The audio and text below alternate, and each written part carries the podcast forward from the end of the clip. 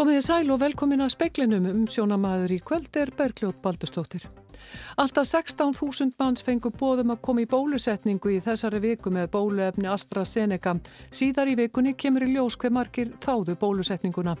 Engin í barnaskólanum á Eirabakka og Stokkseri greindist með COVID-19 í gær og skólastarf hefst á ný á morgun. Hættir við að starfsmenn sem hefja störf hjá öldrunarheimilum akureyrar eftir að bærin hefur skilað af sér reksturinnum fái læri laun en þeir sem fyrir eru. Geðlæknir sem lagði mat á andlegt ástand Maresk Mosinski sem er ákjærður fyrir brunan á Bræðraborgastík segir engan vafa um að hann sé ósakæfur. Brettar hafa tryggt sér 60 miljónir auka skamta af bólefni frá Pfizer-BioNTech ef bólusetja þar landsmenn í þriðja sinn fyrir veturinn. Raðgreiningar eiga eftir að gjör breyta læknisfræðinu og koma nú í auknum mæli inn í krabbaminslækningar, segir profesor í erðafræði. Við heyrum meirum það síðar í speiklinum og speillin var í lögartasöll í dag og fylgist með þegar um 9000 einstaklingar voru bólusettir.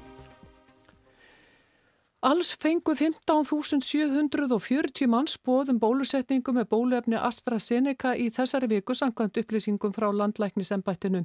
Er það álíka fjöldi og fjöldi bóluefna skamta sem fengnir voru að láni frá Noregi. Það kemur þó ekki ljós fyrir síðar í vikunni hversu margir svara kallinu frá helsugæslunni. Á meðal þeirra sem þáðu bóðið var Þórólfur Guðnarsson, sóttvarnalæknir, sem mætti til bólusetningar í lögadarsvæll í morgun. Hann segir bóluefnið eins örugt og mögulegt er og enga ástæðu til að óttast alvarlegar aukaverkanir. Nei, við erum búin að fara honið þessi gögn og skoða þessar aukaverkanir og, og, og komum þá með þessi tilmæli um að, að við myndum ekki nota þetta bólefni hjá uh, konum yngre 55 ára og ekki hjá fólki sem hefur verið með uh, hérna, blóðsega vandamál, bláæða blóðsega vandamál og, og við höfum kallað fólk inn samkvæmt því og þannig að þetta bólefni er bara mjög virt og á þannig að vera eins og örugt eins og mögulegt er saði Þórólfur Guðnason Magnús Geir Ejjálsson rætti við hann. Skólastarf á Stokkseyri og Eirabakka hefst á nýja morgun. Það hefur legið niðri síðan 90 nefnundur og 30 starfsmenn voru sendri í sóttkví eftir að barn í skólanum greindist með COVID-19 á laugardag. Engin af þeim starfsmennum sem voru skimaður í gær greindist smitaður og skólastjórnendur hafi ekki fengið veður af því að neitt þeirra 90 barna sem voru skimuð hafi greinst með COVID-19. Pál Sveinsson, skólastjóri barnaskólans á Eirabakka og Stokkseyri segir að einhverjir nefndana býði enn eftir niðurstöðu en skólinn bindi vonir við að vera vera sloppin fyrir horn. Nýr starfsmæður sem hefur störf hjá öldrunarheimilum Akureyrar eftir 1. júni fær mun lægri laun en núverandi starfsmenn ef farðir eftir kjærasamningum samtaka fyrirtækja í velferðarþjónustu.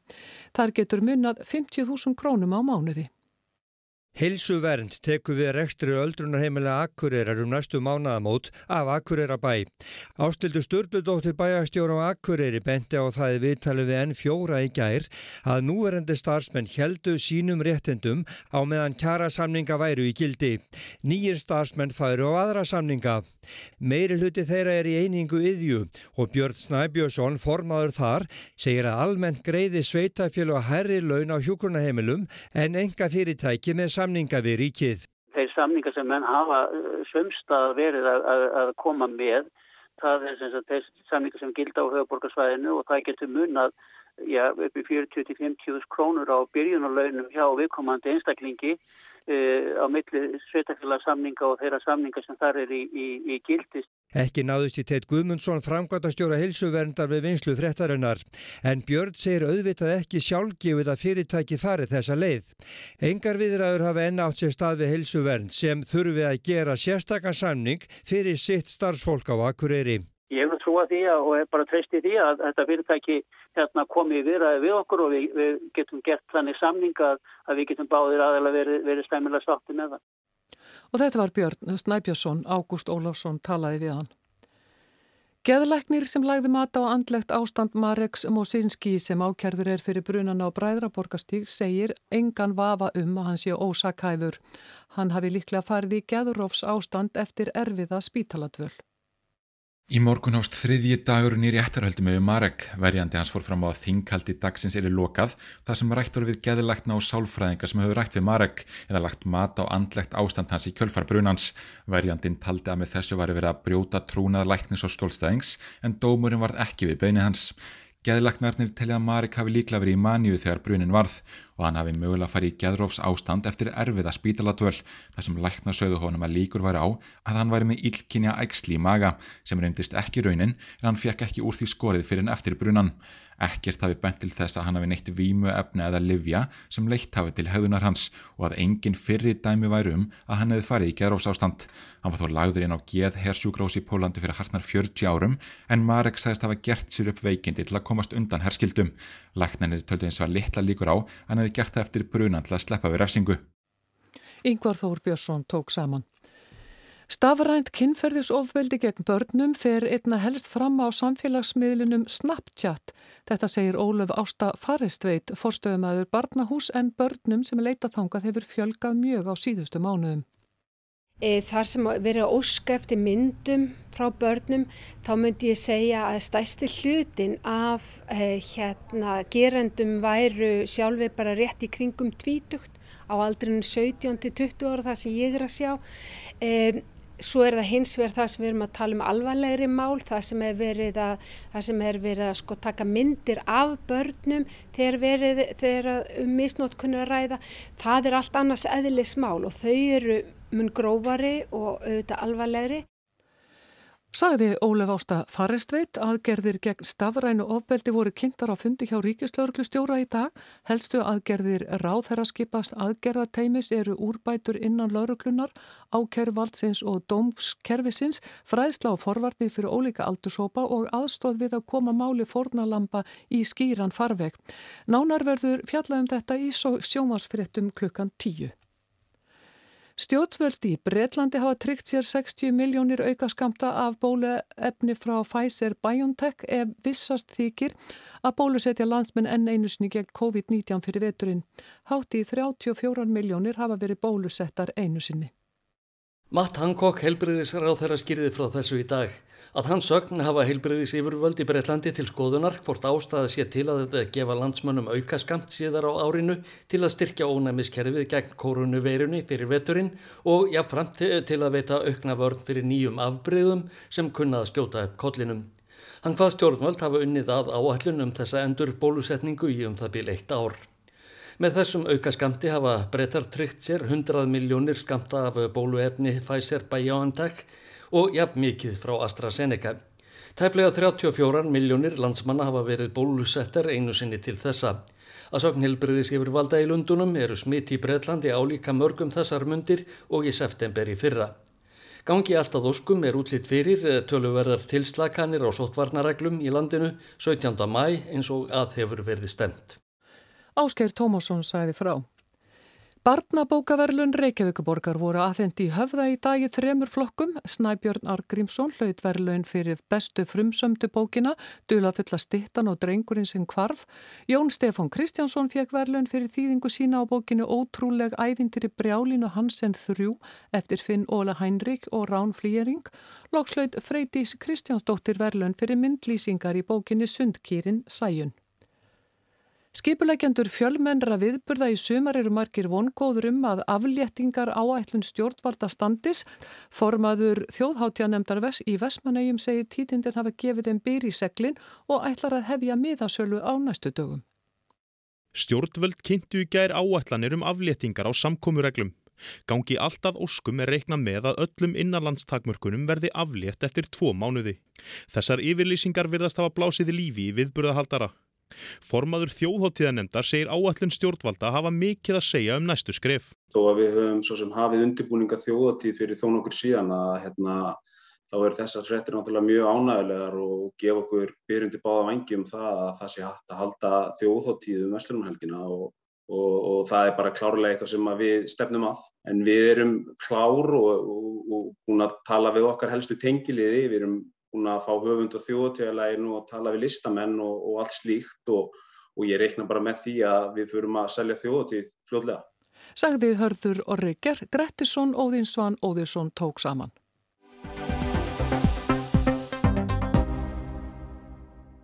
Mikið var að gera í laugartashöll í dag þar sem 9000 manns fengu fyrri COVID-sprautuna af AstraZeneca bóluefninu. Speillin brá sér í höllina. How many roads must a man walk down before you call him a man Ég staftur fyrir laugartashöllina. Í dag er stænsti bólusetningadagurinn fram til þessa. Það er verið að bólusetja 9000 manns, 60 ára og eldri. Fólki sem að hlustaði til dæmis á Bob Dylan, Rolling Stones og Beatlana og gerir reyndar af afalust enn. Nú er þessi hópur kannski margir gamleir hippar eða mest okkur þeir drengir sem voru einu sinni talsvert eh, síðhærðir í útvíðum buksum verið að streyma inn í lögatarsöllina í allan dag til að fá COVID-spröytum. Við fyrstu sín eh, er þessi hópur í nokkuð góðu formi. Hópur sem hefur lifað talsverða breytingar þessi rúmu 60 ár. Þetta er eins og að mæta á eitt risastórt reunion eða útskriftarammali. Einn sem fórum daginn eh, reyndar aðeins eldri líkti þessu við að vera komin í röðina fyrir utan glömbæ. Hér eru mörg kunnulega andlit sem má greina í gegnum grímunar og það er spenna í lofti. Flestir fá AstraZeneca og verða ekki bólusettir öðru sinni fyrir ný lók júli og það er kannski dálítið fullt. Nú er ég komin einn fyrir dinnar og býð hérna í röð. Það er, það er mikið fjölminni hérna. Það er Arnar. Velkomin til Sara heim til hæri. Sverrir Andrisson er með mér hérna í rauninni. Já, Sverrir, hvernig líst þér á þetta? Ég líst bara vel á þetta.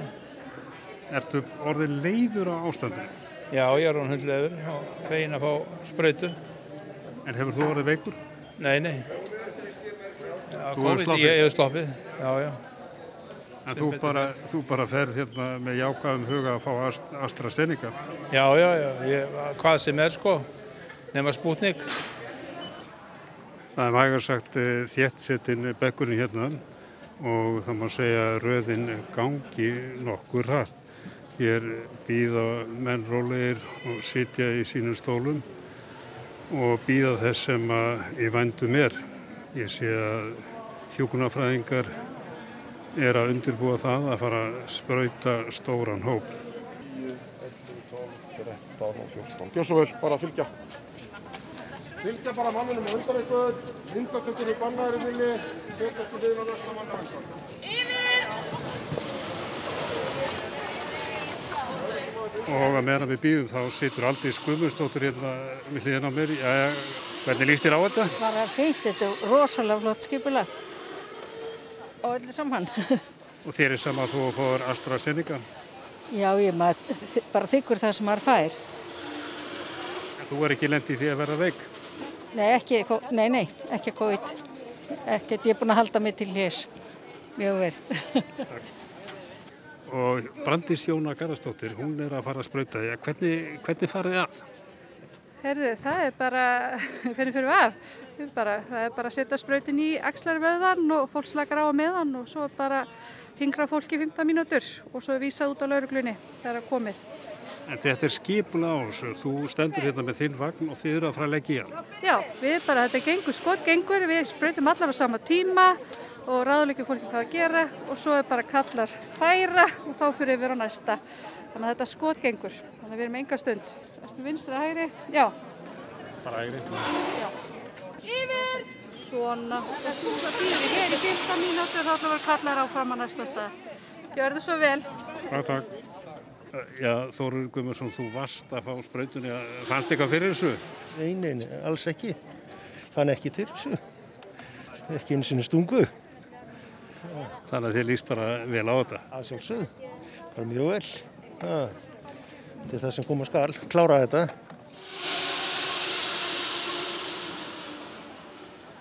Og þetta er hljóðið í spröytu vögnunum. Elda næsta mann, sitja síðan við hliðin á honum elda næsta mann, sitja við hliðin á hannum. Gjör svo vel. Og þú átti hérna endarsætið. Ja, hvernig gengur þetta og hvert er hlutverk ykkar hérna átni Tríljusson, já, aðalvarstjóri? Já, við byrjum á hlutverkinu, þá náttúrulega er þetta hluti af bara almannavarnarverkefni sem bæði laurugla og slökkvilið og heilsugjastan er að taka þátt í. Uh, okkar hlutverku lauruglunar er sjálfur sér bara mannfjöldastjórnun og bara gengur vel, bara það er allir mjög káttir og, og gaman. Ögnablik bara, gjör svo vel hingað. Já, býða, býða, býða. Jú, bætum við sérstofn. Halli, alveg út á enda. Herru, svo bara eldiði næsta mann. Elda næsta mann. Elda næsta mann. Já, já, eins og þú sér það, þá bara rúlar þetta og það er mörg að higgja. En hérna, þetta bara, hefur gengið bara mjög vel og, og hérna, það er allir jákvæðir hérna. Þið tveir hérna. Er því hérna alveg út á enda, eldi bara næsta mann. Elda næsta mann. En er eitthvað sem kemur upp á einhver vandræði?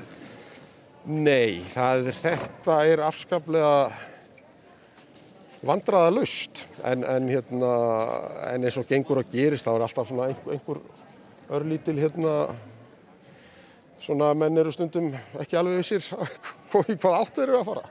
En það er ekki fallið yfirlið? Jú, jú, jú, það er alltaf eitthvað svo liðis. Það er alltaf eitthvað svo liðis, en það er hérna, Björgunarsett slökkulið er með sjúkraflýtingamenn hérna og, og þeir hérna eru til taks og eru að sinna fólki sem hérna líður ítla og svo liðis. Gjara það hér. Takk. Takk.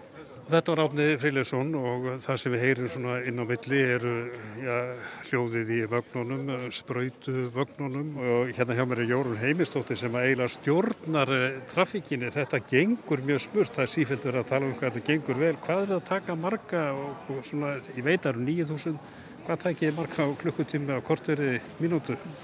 Sko þetta er nú bara góð spurning og ég einlega bara er ekki alveg búin að rekna það út. En við getum afkasta ansi miklu hérna og við erum að núna, þetta er annar dagurinn okkar hérna og við erum svolítið að máta okkur inn í þetta system og svona finna út uh, hvernig við bara sagt, aukum afkastin og höldum afkastunum jöfnum. Þannig að kunstin núna hjá okkur er að fólk þurfi ekki að býða hjá okkur í salnum áður en það fer í bólusetninguna það skiptir mestu máli. Og, og bara svona til árétt á það að þarna ég stýri mest hjókrunafræðingunum og svo er þetta samvinna um stýra flæðinu inn, það verið að skanna niðri uh, og, og það verið að blanda bólöfn upp á Suðurlandsbraut þannig að ferli byrjar þar upp á Suðurlandsbraut þar sem að e, bólöfnið er dreyið inn. Síðan kemur lauruglan með efni til okkar og, og þarna við fáum það hingað, flyttur það. Við fáum það hingað Uh, og ég með alla þessa hjókrunafræðinga og við uh, erum saman í því að bólusetja þá sem koma hérna inn. Síðan niðri þá er sem sagt þarna, þarna verið að, að skanna alla inn. Og, og síðan er það lauruglan sem stýrir fólki inn í salin og út úr því á samt slökkuleginni þannig að þetta er alveg heilmikið system. Þetta er náttúrulega fjölmargir sem að koma að þessu, er ykkur tala yfir það? Sko ég til dæmis eins og bara dagurinn í dag, ef ég hugsa bara um hjókrunafræðingarna, þá erum við með svona 50-60 hjókrunafræðingar sem eru búin að vera að vinna í blöndun og bólsetning í dag. Og síðan er lauruglan með fjöldanallan og sjúkraflutningarnir líka. Þannig að alltaf það sé ekki 70 mann sem koma á svona stórum degi, ég hugsa það. En það er engin uh, svona ábrendi vandræði? Það er aldrei vandræði. Þetta er allt, það náttúrulega sko, við þurfum náttúrulega bara alltaf að, að, að vera að horfa á hvernig þetta gengur og hvað, hvort við getum bætt eitthvað eða breytt. En þetta er dagur tvö okkar hérna í þessu nýja rými og við erum öll allsæl með þetta. Þetta er skilvirt, þetta er gott og, og þarna, þannig að það eru engi vandraðinni. The answer my friend is blowing in the wind The answer is blowing in the wind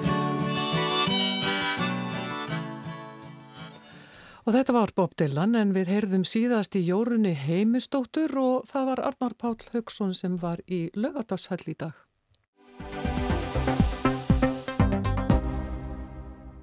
Raðgreiningar eiga eftir að gjör breyta læknisfræðinni og koma nú í auknum mæli inn í til dæmis krabbameinslækningar.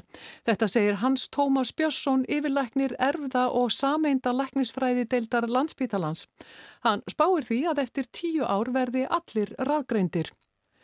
Sagt var frá því í tíu fréttum sjómasins í síðustu viku að norskir vísindamenn hefðu þróað nýja meðferð við brjóstakrabbameini sem byggist á því að skoða genækslisins sérstaklega. Vísindamennir hafa þróað aðferðina síðustu ár. Í henni fælst að genækslisins eru kortlögð og meðferð við meininu fer eftir því hvaða læknar lesa út úr kortlagningunni. Þetta er gert áður en lifuru gefin við meininu. Stíjan Knappskóg er profesor við Háskólan í Björgvin í Noregi. De genfeilene som i utgangspunktet er farlige, går an å snu til vår fordel og utnytte for å skade kreftcellene enda mer. Knappskó segir að litningagallanum sem valdið hafi krabbameininu og var hættulegur sé snúið gegn krabbameinsfrumunni sjálfri. Kollegjans er Per Æstan Lönning, líka profesor við Háskólan í Björgvin. Vi kan analysere samtlige gener i en svulst. Det gir helt, helt, helt nye muligheter for nå virkelig å forstå de mekanismene vi har slitt med i alle år. Lönning segir að hægt sé að greina öll genin í ægsli og það opni fyrir algjörlega nýja möguleika til að skilja hvernig það virki. Það sé nokkuð sem þeir hafi bastlað með í öll þessi ár. Hann segir að hægt sé að nota þessa greiningu á aðrar gerðir krabbameina. Það sé einungis spurningum hver langan tíma það taki.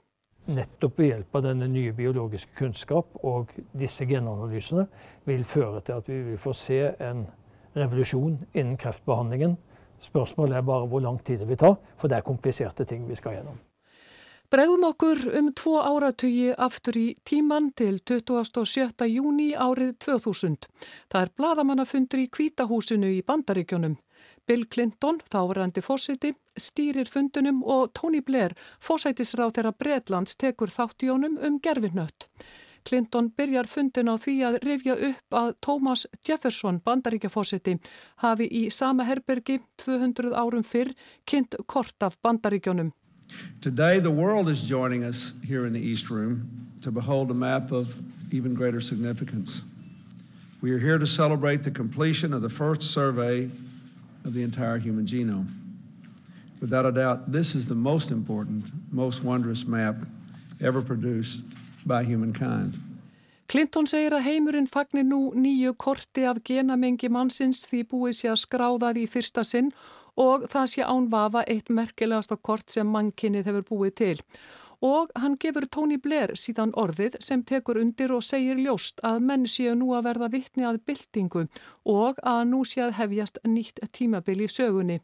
Bylting í meðferð, krabbameina og erðasjúkdóma. And like President Clinton, I believe that today's announcement is such a breakthrough. A breakthrough that opens the way for massive advances in the treatment of cancer and hereditary diseases.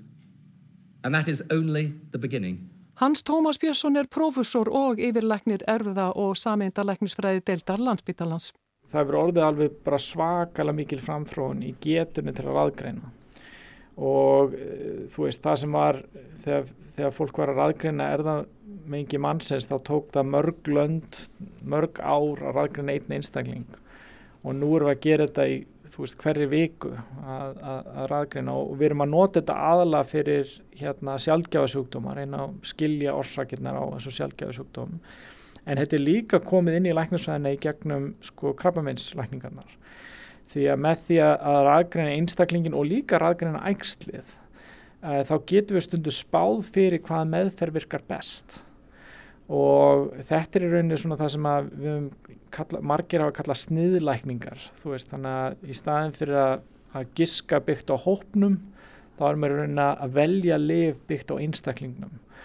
Og ég held að þetta er eftir að gjör breyta læknarsvæðin, ég held að verði allir aðgrendir eftir svona tíu ár þú veist, tæknin er bara og, og meiri hluti íslendinga er aðgrendur hérna hjá íslenska aðgrendingu en, en ég held að á spítalanum þá eh, eigi það eftir að verða að krafa, þú veist, að hafa aðgrendu upplýsingar hjá fólki og, og það er verða að nota til að auka líkurnar að þeir fái bestu mögulegu meðferð og, og kannski til að minka aukaverkanir. Þú veist, það eru ákveðni sem þóla ákveðin lif og svo eru ákveðni sem þóla ekki það lif og, og argerðin getur stundu hjálpa með það.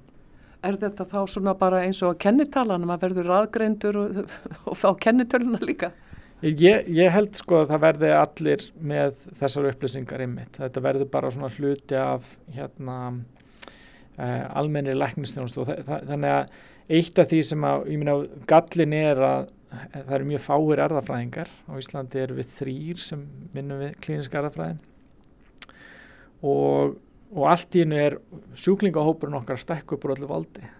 Þannig að það sem við þurfum að vera góð í er að, er að þjálfa aðra í læknisfræðinni hvernig þeir geta nýtt erðafræðina og hérna ég held að það verði svona hlutverk okkar að, að þjálfa bæ, bæði heilbyrðistarsmenn en líka kannski að, að fræða almenningum erðafræði, þú veist hvernig, hvernig haga sjúkdóma sér, hvena rætti fólk að leita, því að ég er ekki alveg vissum að við sjáum alltaf alla sem ætti að vera að koma til okkar, þú veist það er kannski fólk ekki að kveikja á perunni að þetta sé erðasjúkdómar.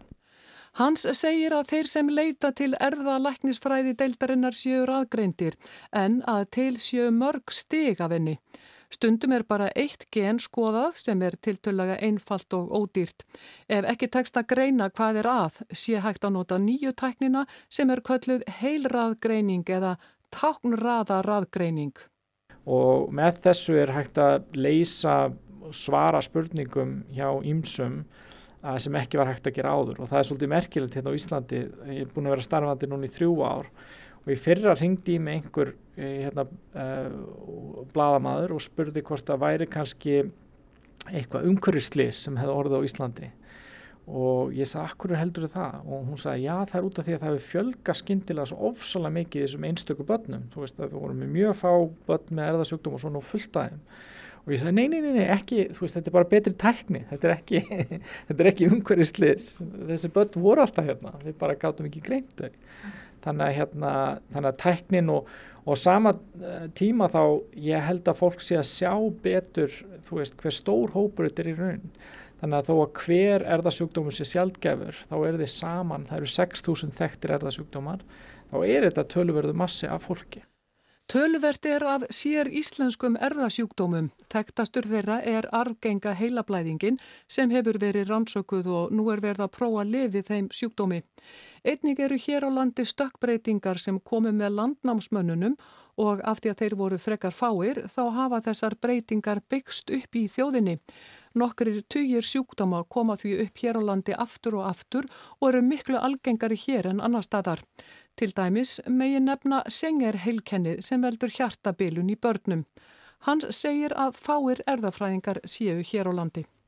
Okkur gengir svona ágjalla að, að, að standa undir kröfin en, en, en það er aukin hérna krafa um þjónustu og síðustu ár höfum við verið að byggja upp þannig að það er aðeins meiri mannafli, það eru núna tveir erðarákjafar, þrýr erðafræðingar og núna tvær hjókunarfræðingar líka sem starfa við þetta og eitt sálfræðingur. Þannig að við erum komið svolítið svona teimi sem getur hjálpa stað við að takast á við þetta.